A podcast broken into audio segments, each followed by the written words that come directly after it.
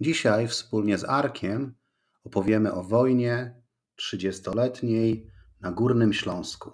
Zapraszam.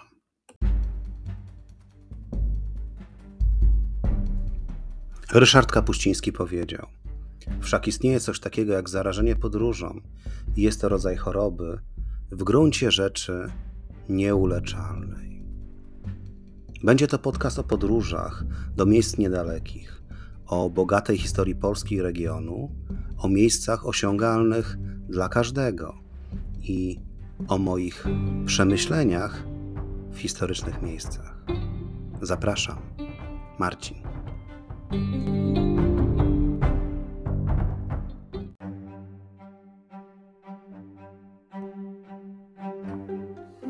Wojna trzydziestoletnia to wojna, która przewinęła się głównie, biorąc pod uwagę tereny dzisiejszej Polski, przez dzisiejszy Dolny Śląsk. Bardzo niewiele mówi się o wojnie domowej na Górnym Śląsku, o stosunkowo innej specyfice, bo był katolicki, a nie protestancki, i właśnie o tym, a także o Gliwicach, chcielibyśmy powiedzieć w moim dzisiejszym podcaście wspólnie z Arkiem Czaplą.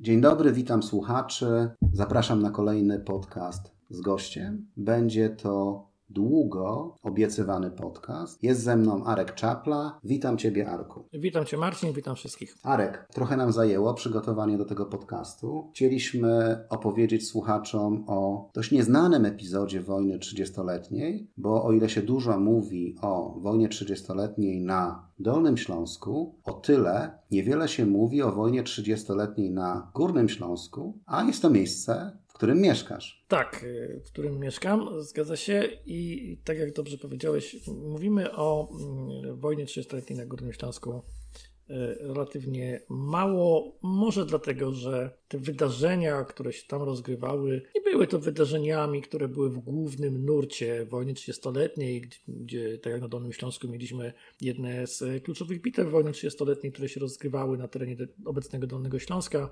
Tutaj nie było wydarzeń, które miałyby jakiś taki wpływ zmieniający przebieg wojny i też ta, ta, ta wojna 30-letnia na tym Górnym Śląsku nie trwała tutaj tak przez cały czas, to były pewne okresy i też tak bardzo nie dotknęła tego Górnego Śląska, ale miała na pewno kilka tutaj ciekawych epizodów. No, dyskutowaliśmy już kilkukrotnie, czy to, czy to w podcaście, czy to prywatnie, ale chyba raczej prywatnie. Dyskutowaliśmy niejednokrotnie, czy była to wojna światowa, czy był to konflikt o charakterze lokalnym. I oczywiście, ile Polaków, tyle zdań. Ja uważam wojnę 30-letnią za wojnę światową, mimo że toczyła się na arenie europejskiej, ponieważ ona zostawiła pewne trwałe ślady. Ty uważasz, że Pierwszą wojną światową była wojna siedmioletnia ze względu na międzynarodowe zaangażowanie różnych stron. Nawiasem mówiąc, ja policzyłem, ile trwała wojna siedmioletnia, to ona chyba trwała lat 26, ale to może być taka tylko dygresja. Arek, Twoje zdanie jest inne niż moje. Tak, nie uważam wojny 30-letniej za konflikt światowy, dlatego żebyśmy mogli nazwać konflikt konfliktem światowym, to on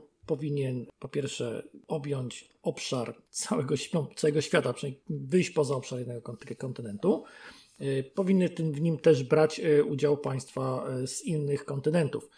I jakbyśmy te dwie kategorie wzięli, to nawet wojna siedmioletnia nie, nie do końca spełnia te, te, te kryteria, bo to był konflikt E, mocarstw europejskich, ale już rozgrywający się i w Ameryce Północnej, i gdzieś w Indiach, w koloniach indyjskich, więc rozlewał się po, mm, po świecie. No i miał też skutki, które miały skutki światowe. Głównie mówię o kwestii kolonii północnoamerykańskich. Natomiast y, wojna 30-letnia rozgrywała się tylko na terenie Europy.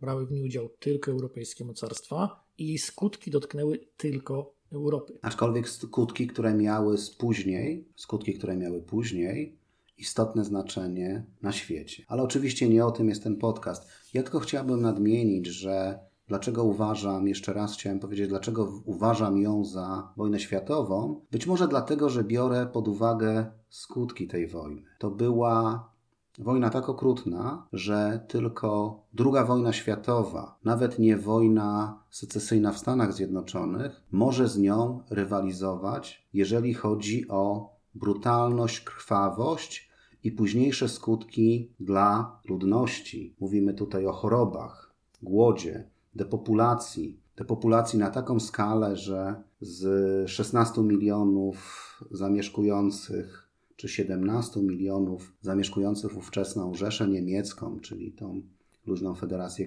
księstw, pozostają 4 miliony.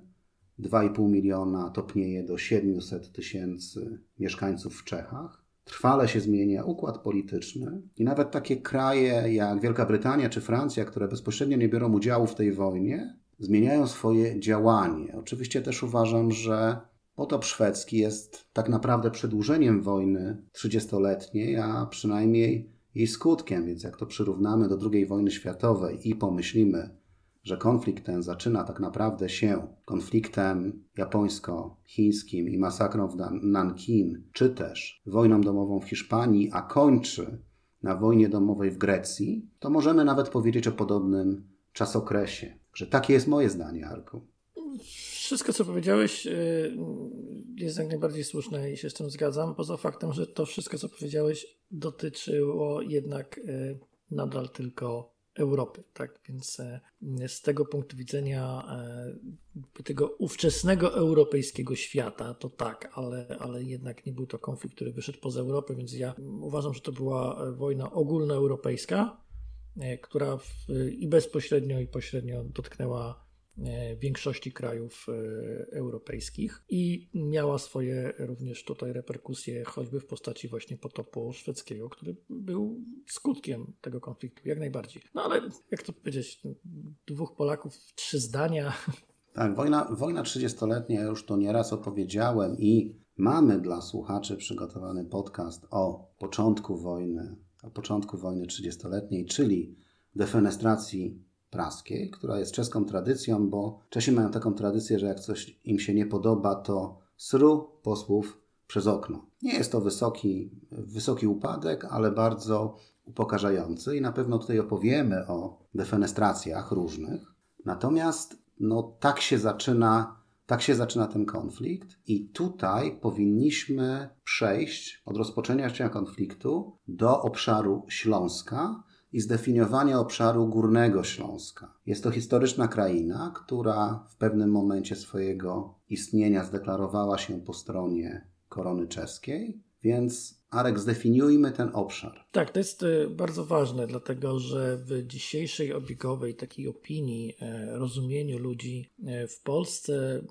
bardzo wiele osób, nawet zaryzykuję powiedzieć, że większość będzie definiowała Górny Śląsk mniej więcej do obszaru dzisiejszego województwa śląskiego, odcinając powiedzmy od tego obszar północny, częstochowskie, odciąć Zagłębie, chociaż to też nie jest takie oczywiste dla wszystkich. Natomiast bardzo mało osób zdaje sobie sprawę, że przynajmniej połowa dzisiejszego województwa opolskiego to też jest historycznie Górny Śląsk, więc na Górnym Śląsku leży Kędzierzyn-Koźle, Strzelce Opolskie, Opole, które kiedyś było stolicą e, przecież tej dzielnicy, więc e, Górny Śląsk w takim rozumieniu e, tutaj miejsca akcji wojny 30-letniej, no to jest obszar taki mniej więcej od, może nawet nie Katowic, bo ich wtedy nie było, tylko Bytomia, Tarnowskich Gór, przez Gliwice na zachód, Kędzierzyn-Koźle, Pole, Strzelce Opolskie, to jest, to, jest, to jest ten teren. I w dół również zahaczając o fragment czeski w rejonie Karwiny, dlatego że musimy też o tym pamiętać, że do dzisiaj część e, e, Górnego Śląska jest na terytorium Republiki Czeskiej. W herbie Republiki Czeskiej, dzisiejszym herbie jest herb Śląska, co może niektórych zaskoczyć. No i to, co powiedziałeś, Śląsk po rozbiciu dzielnicowym w 1335 roku był, e, został lennem czeskim, wybrał e, inną drogę swoją, poszedł w kierunku Czech. Od 1348 roku był niezależnym krajem w obrębie korony czeskiej, która stała się częścią świętego cesarstwa rzymskiego Habsburgów. I to jest akurat ważne, chciałem to podkreślić, bo to jest ważne, ważne w kontekście tego, co się wydarzy w wojnie 30-letniej w przededniu wojny 30-letniej Śląsk był w dużym stopniu niezależnym krajem w obrębie korony czeskiej, która dopiero wchodziła w skład cesarstwa Habsburgów. E, Śląsk miał swoje własne stany śląskie, czyli parlament i dużą, powiem, samodzielność, możliwość samodecydowania. Warto też powiedzieć, tutaj akurat tu mi się nasunęło, że pojęcie Śląska Opolskiego, bo mówisz o Opolu, mówisz o Kędzierzynie Koźlu, a także o rejonach dzisiejszego Bytomia, łączysz je razem. Pojęcie Śląska Opolskiego jest pojęciem dość sztucznym i pojęciem, które jakby zostało, zostało Śląsk po II wojnie światowej. Oczywiście w jakiś sposób jest to, jest w tym momencie pokazywany jakiś podział. I też warto powiedzieć, że północna część Moraw do dzisiaj nazywana jest w języku czeskim szlesko. Bo jest de facto czeskim śląskiem, Marcin. Dokładnie, dokładnie tak. Więc zaczyna się wojna trzydziestoletnia.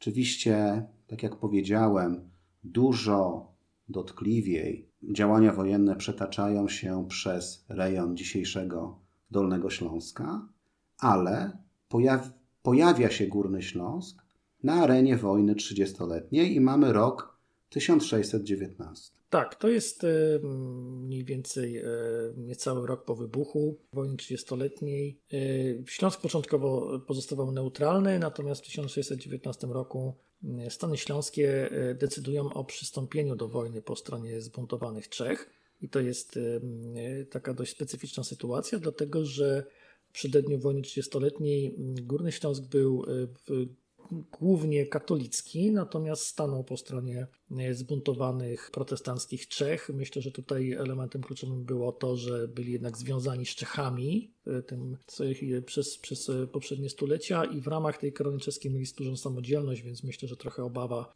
przed utratą tej samodzielności na, na rzecz takich despotycznych rządów Habsburgów tutaj gdzieś wzięła górę. Ówczesnym starostą generalnym Śląska był książę Brzeski, więc widzisz, mówimy o brzegu tym, tym w rejonie Opola, e, Jan Chrystian dynastii Piastów, natomiast na czele górnośląskich wojsk stanął książę e, Karniowa, czyli Krnowa, dzisiaj to nie jest terytorium Polski, tylko Czech, Jan Jerzy Hohenzoller. E, I wojska śląskie wspierały m.in. protestanckie wojska czeskie w oblężeniu Wiednia. Natomiast 8 listopada 1620 roku pod Białą Górą, opodal Pragi, doszło do katastrofy e, wojsk protestanckich. Czeskie wojska protestanckie przegrały bitwę e, z siłami katolickimi Habsburgów, poniosły druzgocącą klęskę, która praktycznie zakończyła czeską fazę wojny 30-letniej, doprowadziła do upadku e, Czech, do zarekwirowania majątków czeskich protestantów, przekazaniu tych majątków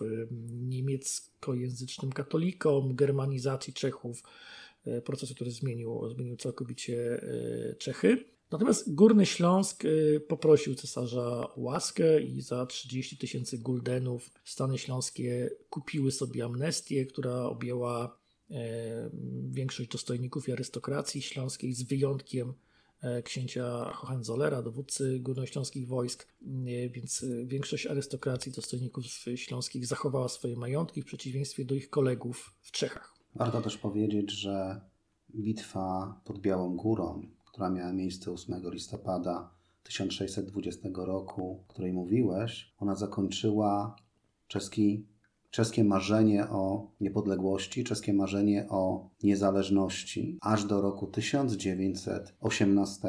Tak, tak, dokładnie. No i też y, spowodowała tą, tą germanizację Czech. Y, to też odbiło się w pewnym stopniu na, na Górnym Śląsku, no bo był wtedy dzielnicą, e, dzielnicą Śląska, ale to jeszcze podsumujemy to wszystko na końcu. No tutaj warto też wspomnieć o polskim epizodzie, polskim epizodzie w tej wojnie.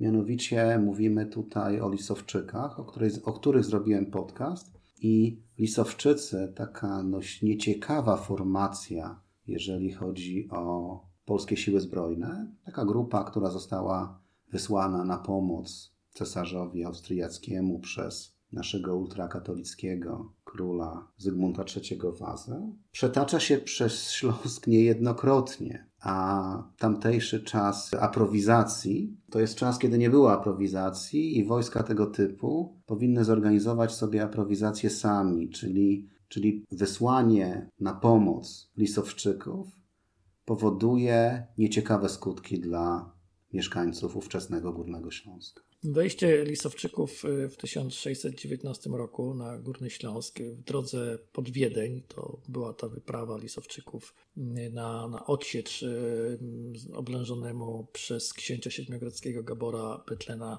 Wiedniowicz, taka pierwsza odsiecz wiedeńska. No, była wydarzeniem dramatycznym, dlatego że tak jak ty to powiedziałeś, ich szlak po prostu znaczyły mordy, grabieże, spalone wsie. W 1619 roku w drodze na Wiedeń e, dwie kolumny lisowczyków e, przetoczyły się przez Górny Śląsk, około 10 tysięcy. Jedna grupa, około 4 tysięcy, wkroczyła przez Kachanowice, Dobrodzień, Ozimek i Ludniki i przeszła w kierunku Chałupek. Druga przeszła e, przez okolice, okolice Pszczyny.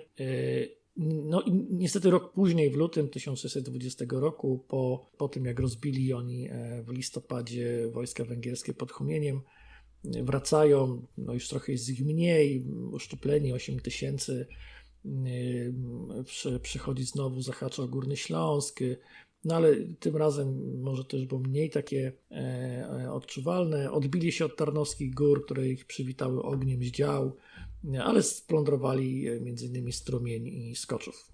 Czyli dzisiejszego, tereny dzisiejszego Śląska Cieszyńskiego, ale o tych podziałach wewnętrznych wewnątrz Śląska myślę, że powinniśmy zrobić inny podcast. Arek, co dalej? Wojna powraca niestety.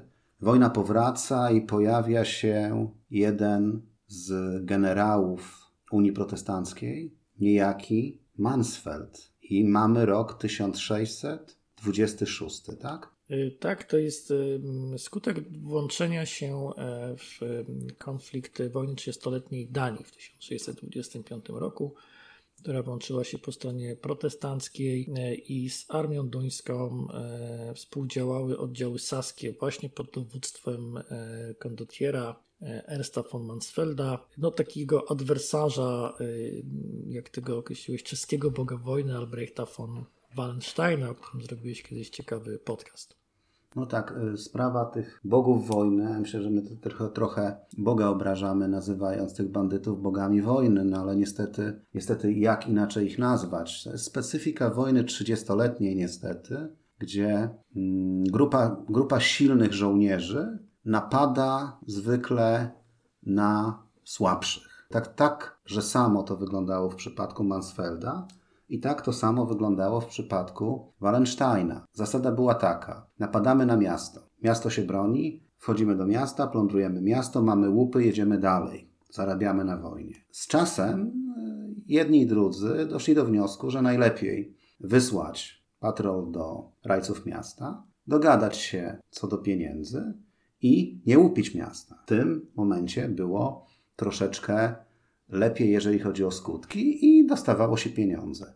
I tak te armie przetaczały się góra-dół, także te, te armie się przetaczały. Warto tutaj trochę powiedzieć o Erneście hrabim Mansfeldzie, bo pochodzi z Luksemburga i tak naprawdę wszystko wskazuje na to, że był katolikiem, synem księcia luksemburskiego z nieprawego łoża. Może to dziw, zabrzmieć dziwnie, ale on zaczynał swoją karierę zupełnie nie na północy, tylko zaczął, e, wynajęty przez Republikę Wenecką, zaczął, zaczął od walki z piratami w Bośni. Tam w tej Bośni tak się rozkręcił, że nie tylko piratów łupił, więc wyznaczono za jego głowę nagrodę 300 tysięcy talarów. Po czym on zaczyna wojnę w Czechach w 1618. Tam pracuje na rzecz Unii Protestanckiej, ale w, 1900, w 1620-21 roku jest bezrobotny, pojawia się w Niderlandach, gdzie walczy i znów dostaje ofertę od duńskiego króla Jana Chrystiana w 1625 roku i w 1626 roku atakuje ówczesne Czechy z Unią Protestancką. Warto powiedzieć, że jego kariera potem się skończyła znów w Bośni, gdzie umarł. Podobno umarł na stojąco. Też mówiono o nim, że jest drobnym pokurczem, który przypominał zająca. Czyli był to niewielki człowiek o dużych ambicjach. I ten człowiek nieciekawie zapisuje się w historii Górnego Śląska. No tak, w 1626 roku na czele mm, wojsk duńsko-saskich e, wkracza na Górny Śląsk w drodze na południe w kierunku Słowacji i Wiednia. Po drodze e, Opole, Prudnik, e, Racibórz i strzelce opolskie poddają się bez walki. Poddaje się również y, koźle liczące na łaskawość zwycięzców. Y, tutaj e, pojawia się nam postać, y, która, do której jeszcze wrócimy, hrabiego Andrzeja Kościckiego, herbu Czapla, który, znaczy nie wiem, czy to ma jakieś koligacje. Ale ty jesteś też tego herbu, Arku? nie, no nie jestem herbu, ale nazwisk wiesz, ale tak mnie zaciekawiło to. Natomiast Andrzej Kościcki popierał Hohenzollerna i tą jakby przeciwko przeciwko Habsburgom. Y, potem uniknął konfiskaty swojego majątku y, w wyniku tej amnestii, o której wspomniałem, no i poddał koźle, licząc prawdopodobnie to, że jednak protestanci wygrają, więc, y, więc chyba, chyba to był jakiś taki, chciał coś tym może zyskać. Natomiast no, Duńczycy, mimo że koźle się poddało, i tak splądrowali i, i podpalili koźle. Natomiast rok później, w 1627 roku, koźle zostaje ponownie spalone tym razem przez wojska cesarskie Wallensteina, które je odbiły. No to trochę nawiązuje do tego, co ty mówiłeś, że nie miało znaczenia, po której stronie było dane miasto. I w sierpniu 1626 roku wojska duńskie staną u, stoją u bram Gliwic. Przy czym gliwiccy mieszczanie pod wodzą ówczesnego burmistrza Johanna Frochlicha postanowią postawić opór wbrew e, postawie załogi cesarskiej miasta. Podobno dowódca cesarskiej załogi chciał miasto poddać, ale mieszczanie to udaremnili. No był to na, moim zdaniem akt wielkiej odwagi, ponieważ e, to, co wspomniałeś, e, w czasie wojny 30-letniej te zdobywcy z reguły mordowali stawiających opór i palili miasto. A jednak gdy Gliwice postawiły, postawiły opór, przygotowali się do tego przed nadejściem wojsk Mansfelda, spalili na, na przykład przedmieście bytomskie, to jest dzisiaj rejon ulicy Mikołowskiej, czy jakby wjeżdżający z Mikołowa do Gliwic, a z kolei Duńczycy spalili przedmieście Raciborskie, to jest, to jest obszar od placu Mickiewicza dzisiaj do, w, w kierunku kościoła Podwyższenia Krzyża, czyli tak zwanego kościoła redemptorystów, jak się w Gliwicach mówi. Legenda miejska mówi, że zabudowania tego kościoła i klasztoru, bo to wtedy był klasztor franciszkanów, nie redemptorystów, Duńczycy podpalali trzykrotnie bez skutku. I do jesieni 1626 roku miasto odpierało kolejne szturmy. W obronie miasta brały udział nawet kobiety. Taka była duża determinacja obrońców. Kobiety wylewały wrzątek, wrzątek z jagłami na atakujących mury miejskie. I to do dzisiaj w mieście upamiętnia rzeźba Kobieta z dzbanem. Co prawda rzeźba jest współczesna, bo jest z 1956 roku i ona się znajduje w narożniku kamienicy u zbiegu ulicy Plebańskiej, krótkiej to jest północno-zachodni narożnik e, rynku gliwickiego. Według kronik w czasie obrony mieszkańcy, widząc armię Mansfelda, przysięgli e, pójść z pielgrzymką na Jasną Górę, jeżeli ocaleją, e, co miało zapoczątkować tradycję pielgrzymek gliwickich do Częstochowy. Podobno nawet nad miastem w czasie obrony pojawiła się Matka Boska, ale to może być też historia późniejsza, y, bo w zasadzie przed potopem szwedzkim ten ruch pielgrzymkowy na Jasną Górę nie był taki, taki intensywny. Wojska duńskie wracają pod Gliwice. E, na początku lutego 1627 roku, kiedy wracają ze Słowacji po porażce już bez Mansfelda, który zmarł w listopadzie 1626 e, roku, tak jak powiedziałeś, e, w Bośni. Bezskutecznie atakują miasto, to już nie jest takie długotrwałe oblężenie, no ale w tym odwrocie plądrują Żory, Rybnik, Pszczynę, ponownie plądrują Bytom. Jeden z oddziałów duńskich dokonuje wypadu na wieś Zabrze, której mieszkańcy stawili jednak opór i spora część tych Duńczyków wylądowała w zbiorowej mogile przy e, obecnej ulicy Staromiejskiej, gdzie do dziś stoi kapliczka. E, także jak widzisz, jeszcze nie było w Zabrzu Górnika, a już można było dostać łomot tam jak się pojawiłeś. I takim upamiętnieniem tych, tej obrony Gliwic jest nadanie w 1629 roku przez cesarza Ferdynanda w uznaniu i wdzięczności dla obrońców miasta nowego herbu. Przy okazji cesarz Ferdynand potwierdził przywileje miejskie, a to było miasto cesarskie już przed wojną 30-letnią. I ten nowy herb y, y, uwiecznił właśnie połowie orła Habsburgów, orła piastowskiego i wizerunek Matki Boskiej. Naziści ten herb chcieli zmienić w roku 30, tak aby usunąć tą symbolikę Habsburgów, no ale to, co się nie udało nazistom, udało się polskim komunistom, którzy po wojnie w 1947 roku zmienili ten herb na nowy, na podstawie starej pieczęci, którą chcieli użyć przed wojną naziści jako wzoru do nowego herbu miasta. Tak, tutaj znalazłem taką piosenkę, akurat mam jej wersję polską, gdzie na Śląsku śpiewano pierońskie Szwedy poszliwek, a był to XVII wiek. Ta sama pieśń mówi o odwadze babów z Gliwic. Ta kobieta, która garnkiem wody oblewa oblężających miasto żołnierzy Mansfelda, przeszła jak, na, jak najbardziej do historii. Ja bym chciał jeszcze, Arek, wrócić, bo pominęliśmy jeden wątek.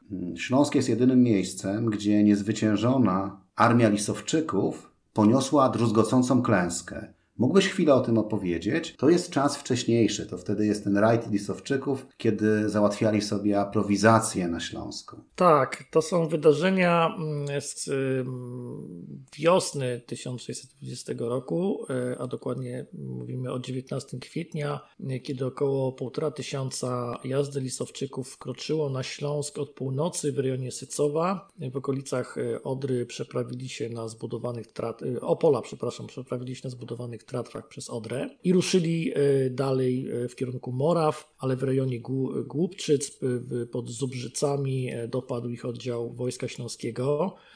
Zginęło wtedy około 50 Olicowczyków, kilkunastu się dostało do niewoli. Reszta dalej ruszyła w stronę Karniowa, w kierunku Moraw, gdzie 22 kwietnia już taki większy oddział dragonów śląskich y, przy wsparciu miejscowych chłopów wybił prawie wszystkich. Tylko około 300 zdołało ujść życiem, ale po drodze jeszcze ich tam zdziesiątkowali y, chłopi i górale i w okolice Krems w Austrii, gdzie stacjonowały główne siły Lisowczyków, dotarło tylko 250, więc naprawdę garstka z tej grupy. Na 27 siedmiu, których złapano do niewoli, potraktowano jako bandytów, a była to wszystko herbowa szlachta polska i powieszono ich e, pokazowo na rynku we Wrocławiu.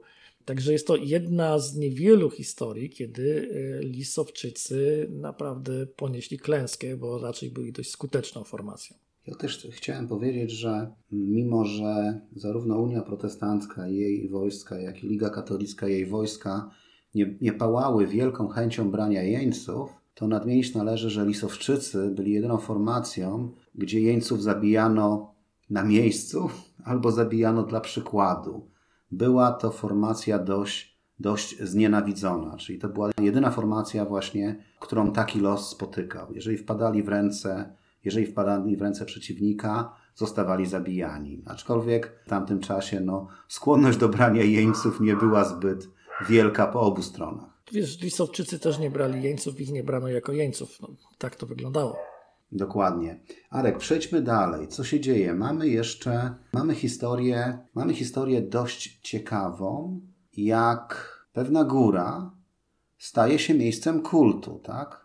Tak, to znów wracamy do postaci hrabiego Andrzeja Kochcickiego, tego, który poddał koźle w, i, i uciekł, tak można powiedzieć. E, ponieważ jak e, protestanci przegrali, wróciły wojska katolickie, Kościcki uciekł e, ze Śląska i on w 1628 roku został zaocznie skazany przez sąd cesarski w Wiedniu. Skonfiskowano wszystkie jego dobra, z wyjątkiem dóbr podległych dwóm jego poddanym katolikom. Jednym z nich był Mikołaj Sujazdu, który prawdopodobnie chcąc E, tym czynem e, zbudować sobie taką opinię, że on jest poprawnym katolikiem i uniknąć e, utraty swojego majątku, przeniósł cudowną figurę świętej Anny Samotrzeciej z kościoła w Ujeździe na górę świętego Jerzego, San Georg, nieopodal.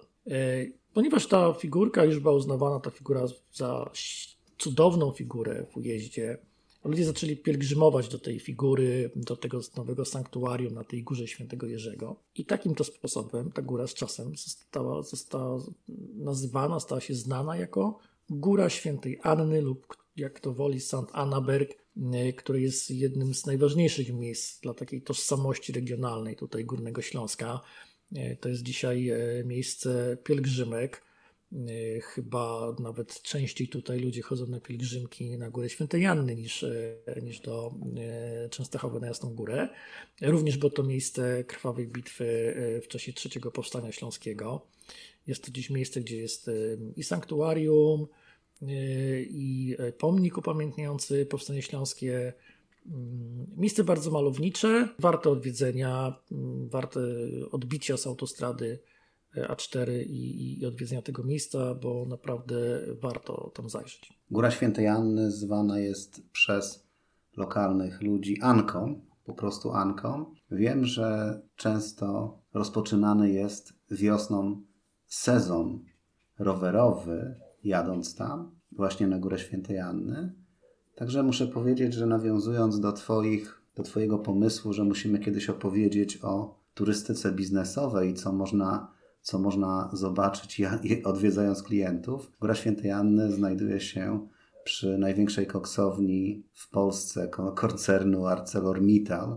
Nie jest placement, bo chyba żaden z naszych słuchaczy koksu nie kupuje, ale niejednokrotnie mieliśmy okazję odwiedzać ten, tę firmę. Niejednokrotnie również mieliśmy okazję odwiedzać pobliskie zakłady azotowe w Kędzierzynie-Koźlu, bo to jest ta sama lokalizacja. Także można to połączyć biznesowo, aczkolwiek można również Śląsk zjeździć rowerem. Tak, y, Góra Świętej Janny jest, y, jest takim mm, fajnym adresem y, na wycieczkę rowerową, aczkolwiek chciałbym Ci Martin zwrócić uwagę, że to jest w jedną stronę trzeba najpierw wjechać, tam jest około 11-12 km podjazdu, natomiast no, zjeżdża się później bardzo Tak, zjeżdża się bajecznie. Tak, e, ale e, powiedziałeś e, wiosenne wyprawy rowerowe na Górę Świętej Janny. Ja szczególnie polecam słuchaczom, jeżeli ktoś chciałby wybrać na Górę Świętej Janny, aby wybrać się tam wiosną, w okresie, kiedy kwitną drzewa owocowe, dlatego że w rejonie Góry Świętej Janny możemy trafić na, ulic, na drogi, które są obsadzone kwitnącymi drzewami czereśniowymi.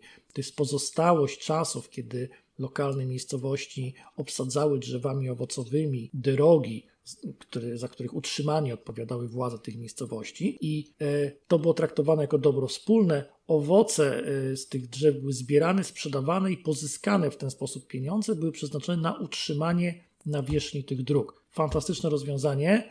Szkoda, że dzisiaj nie praktykowane, bo również po prostu naprawdę pięknie wiosną wygląda. Na koniec, jeśli chodzi o teatr działań wojennych wojny 30-letniej, warto wspomnieć również o tak zwanym śląskim potopie szwedzkim, bo oprócz Duńczyków na terenach Górnego Śląska pojawili się również epizodycznie, no może nie epizodycznie, ale pojawili się Szwedzi. W 1642 roku e, na Śląsk wkracza armia szwedzka pod wodzą e, Lenarta Torensona. E, no i oni mm, plądrują ten Śląsk, ten tak zwany potop śląski trwa do 1642 do 1645 roku. Między innymi plądrują i palą po raz trzeci w 1642 koźle no, zdobywają też Gliwice w 1645 roku. E, pamiątką po obecności Szwedów e, na tych ziemiach tutaj są tak zwane szwedzkie krzyże. To są do dzisiaj istniejące krzyże lub kapliczki, które upamiętniają miejsca pochówku szwedzkich żołnierzy, być może też w niektórych przypadkach duńskich, bo myślę, że ludność w tych czasach miejscowa to niespecjalnie rozróżniała. I na przykład między innymi mamy taki krzyż szwedzki e, w Przyszowicach pod Gliwicami, który upamiętnia właśnie miejsce pochówku e, szwedzkich żołnierzy Torensona. W Chrząstkowicach, e, w Chrząstowicach koło Opola też można znaleźć takich krzyż. No, można takie miejsca tutaj znaleźć. To jest taka pozostałość właśnie po potopie szwedzkim, śląskim potopie szwedzkim. Warto dodać, że i połączyć śląski potop szwedzki z tym potopem szwedzkim, o którym uczyliśmy się w szkole, bo łączy to postać Arwida Witterberga. Jest to żołnierz, który służył pod Torrentsonem, a później w potopie szwedzkim w 1655 roku pokonał Polaków w bitwie pod Ujściem. To jest taka słynna, niesławna bitwa Polaków, gdzie dostaliśmy bardzo dużego łupnia od Szwedów. Potem zajął Kraków, natomiast po powstaniu pod wodzą Czarnieckiego ten sam e, Arvid Witterberg, Witter, e, Witterberg tak, poddał się Polakom w Warszawie. ale 21 czerwca 1656 roku został osa- osądzony i osadzony w Zamościu i w tymże Zamościu umarł. Także mamy postać, która łączy dwa potopy szwedzkie. Zarówno ten mały na Śląsku, jak i ten duży w Polsce. Arek, warto powiedzieć, jaki wpływ miała wojna trzydziestoletnia na Górny Śląsk, Górny Śląsk nie doznał takiej utraty ludności jak Dolny Śląsk, dlatego że nie był areną permanentnych walk y, na taką skalę jak Dolny Śląsk. Był trochę takim terenem pogranicza na pewnego rodzaju uboczu, trochę pełnił funkcję też bufora pomiędzy Polską a, a Czechami. E, i dalej cesarstw Habsburgów, więc tutaj nie mieliśmy aż tak dużego ubytku mm, ludności.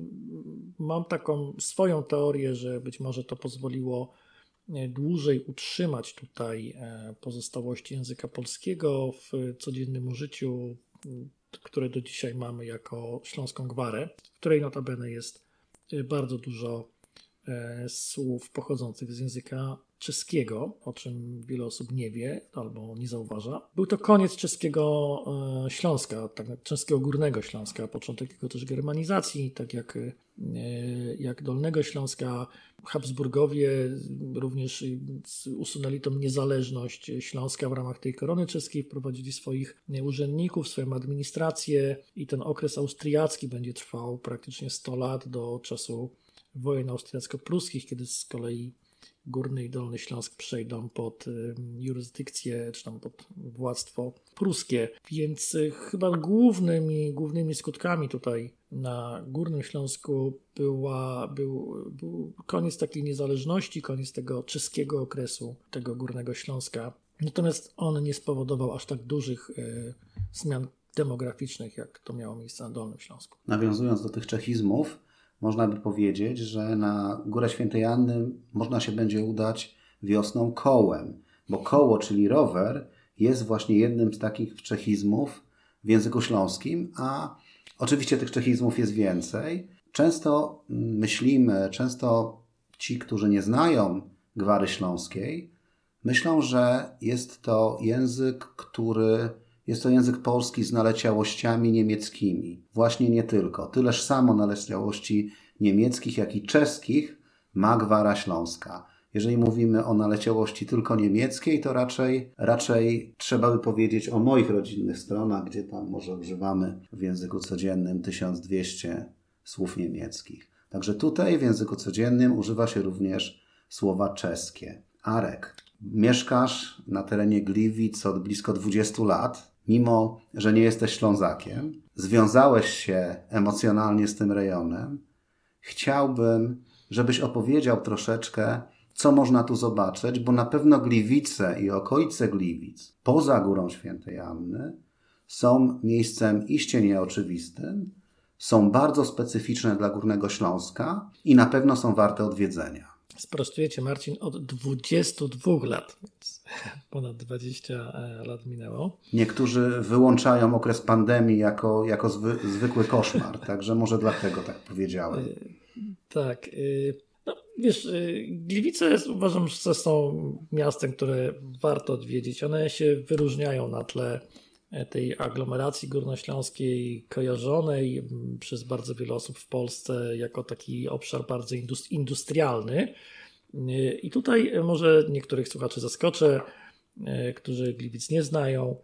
Gliwice mają stare miasto, które ma zachowany oryginalny średniowieczny układ ulic z rynkiem, na którym jest, jest ratusz obwodowy układ dwóch ulic górnych i dolnych wałów dokładnie przebiega po, po obrysie dawnych obwałowań miejskich. No czasy, czasy potopu szwedzkiego, śląskiego, czasy Duńczyków i oblężenia na pewno pamięta Zamek Piastowski. No, nie jest on jakiś może specjalnie okazały, ale jest e, z fragmentem murów obronnych. To na pewno jest miejsce, które pamięta te czasy. Na pewno e, czasy oblężenia duńskiego pamięta Kościół Wszystkich Świętych, który jest jednym z najstarszych i najbardziej okazałych kościołów e, gliwickich. No i stary kościół świętego Bartłomieja, który no wtedy był jeszcze za Gliwicami, On jest chyba najstarszą świątynią gliwicką. To jest ta świątynia, której Marcin kiedyś wspominałeś, że doszukałeś gdzieś jakichś powiązań z templariuszami tego kościoła. Tak, jest to, jest to książka Andrzeja Zielińskiego o templariuszach na ziemiach polskich. Tak samo byłem zaskoczony ich obecnością na Górnym Śląsku, jak byłem zaskoczony ich obecnością w Drohiczynie, który nie, znajduje się nieopodal mojego letniego domu, czy też w Łukowie, który również znajduje się niedaleko. Także miejsca, gdzie możemy znaleźć ślady templariuszy, miejsc takich jest wiele. I tutaj pan Andrzej Zieliński wysunął taką teorię, że najprawdopodobniej ten kościół, najstarszy w Gliwicach, będzie stanowił, będzie, będzie prawdopodobnie jest pozostałością po komandorii templariuszy. Ale Arek, też warto nie tylko nawiązywać do wojny trzydziestoletniej, ale opowiedzieć również o zabytkach nowożytnych, które nie sposób pominąć, odwiedzając Gliwice. Tak, y, y, mamy, mamy troszkę nowożytnych e, zabytków. Y, na pewno mm, warto przespacerować się po mieście i zobaczyć gliwickie lwy. E, to są posągi autorstwa Teodora Kalidiego, znanego mm, rzeźbiarza, który w początkach pierwszej połowy XIX wieku działał, między innymi miał pracownię w Berlinie. Posągi jego autorstwa możemy zobaczyć w wielu miastach w całej Europie z tamtego okresu. Jeden z najbardziej znanych to jest Lew Czuwający z 1824 roku i Śpiący Lew z 1845, który dziś jest między innymi E, symbolem takim swoistym Bytomia.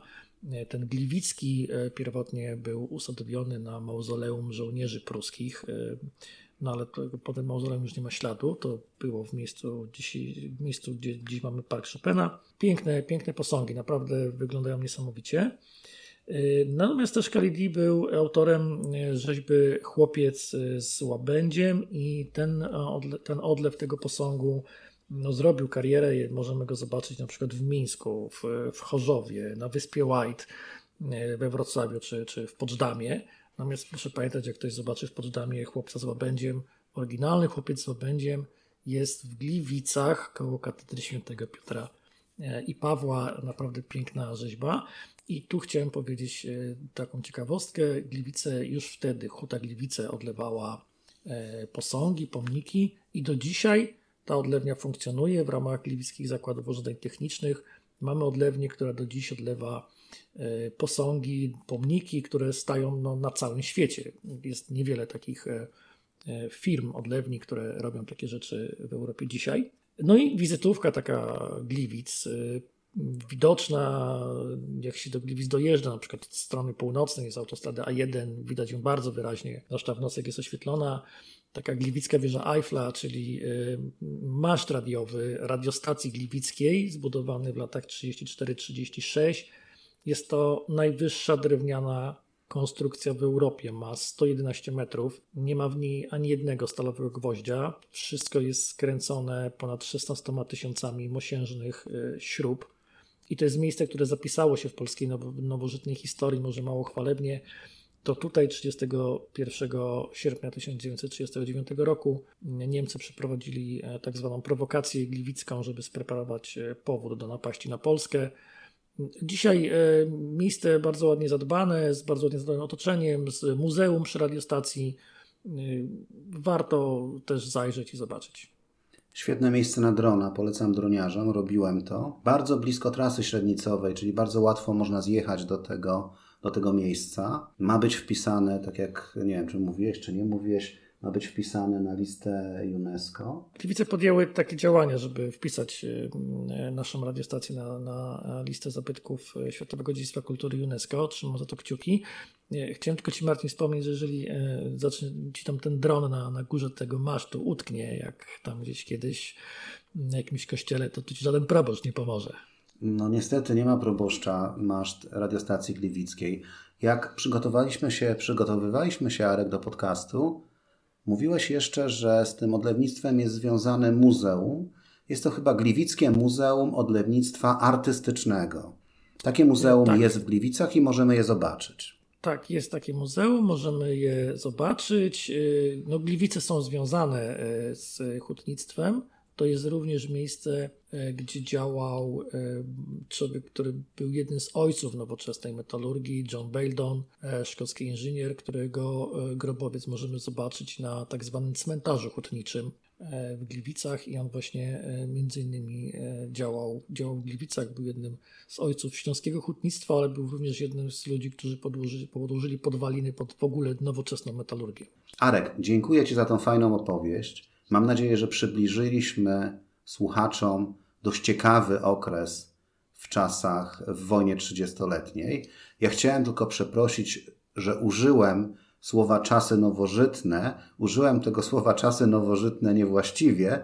W zasadzie powinien, powinienem powiedzieć połowy XIX wieku i wieku XX zamiast czasów nowożytnych, bo czasy nowożytne są pojęciem dużo szerszym. Jakie plany na przyszłość? Bo na pewno powinniśmy zrobić coś następnego dla słuchaczy. Mm, było kilka pomysłów. Co proponujesz na przyszłość? Myślę, że moglibyśmy w końcu, Marcin, e, zrobić e, podcast o pewnym znanym niemieckim inżynierze i wynalazcy motoryzacyjnym, pewnej znanej niemieckiej firmie motoryzacyjnej e, i o tym, jak to swój e, legendarny produkt ukradła komuś innemu. Legendarny produkt, który miał wiele, wiele modyfikacji. Tak, faktycznie, można by o tym opowiedzieć i być może to jest temat na podcast, ponieważ naprawdę się dłużej przygotowywać.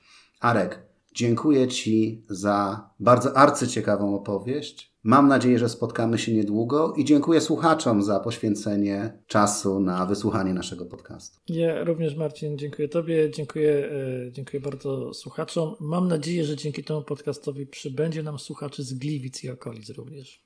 Drodzy słuchacze, jeśli słuchacie miejsc nieoczywistych na Spotify, Apple Podcast czy też Player FM, proszę o krótką chwilę.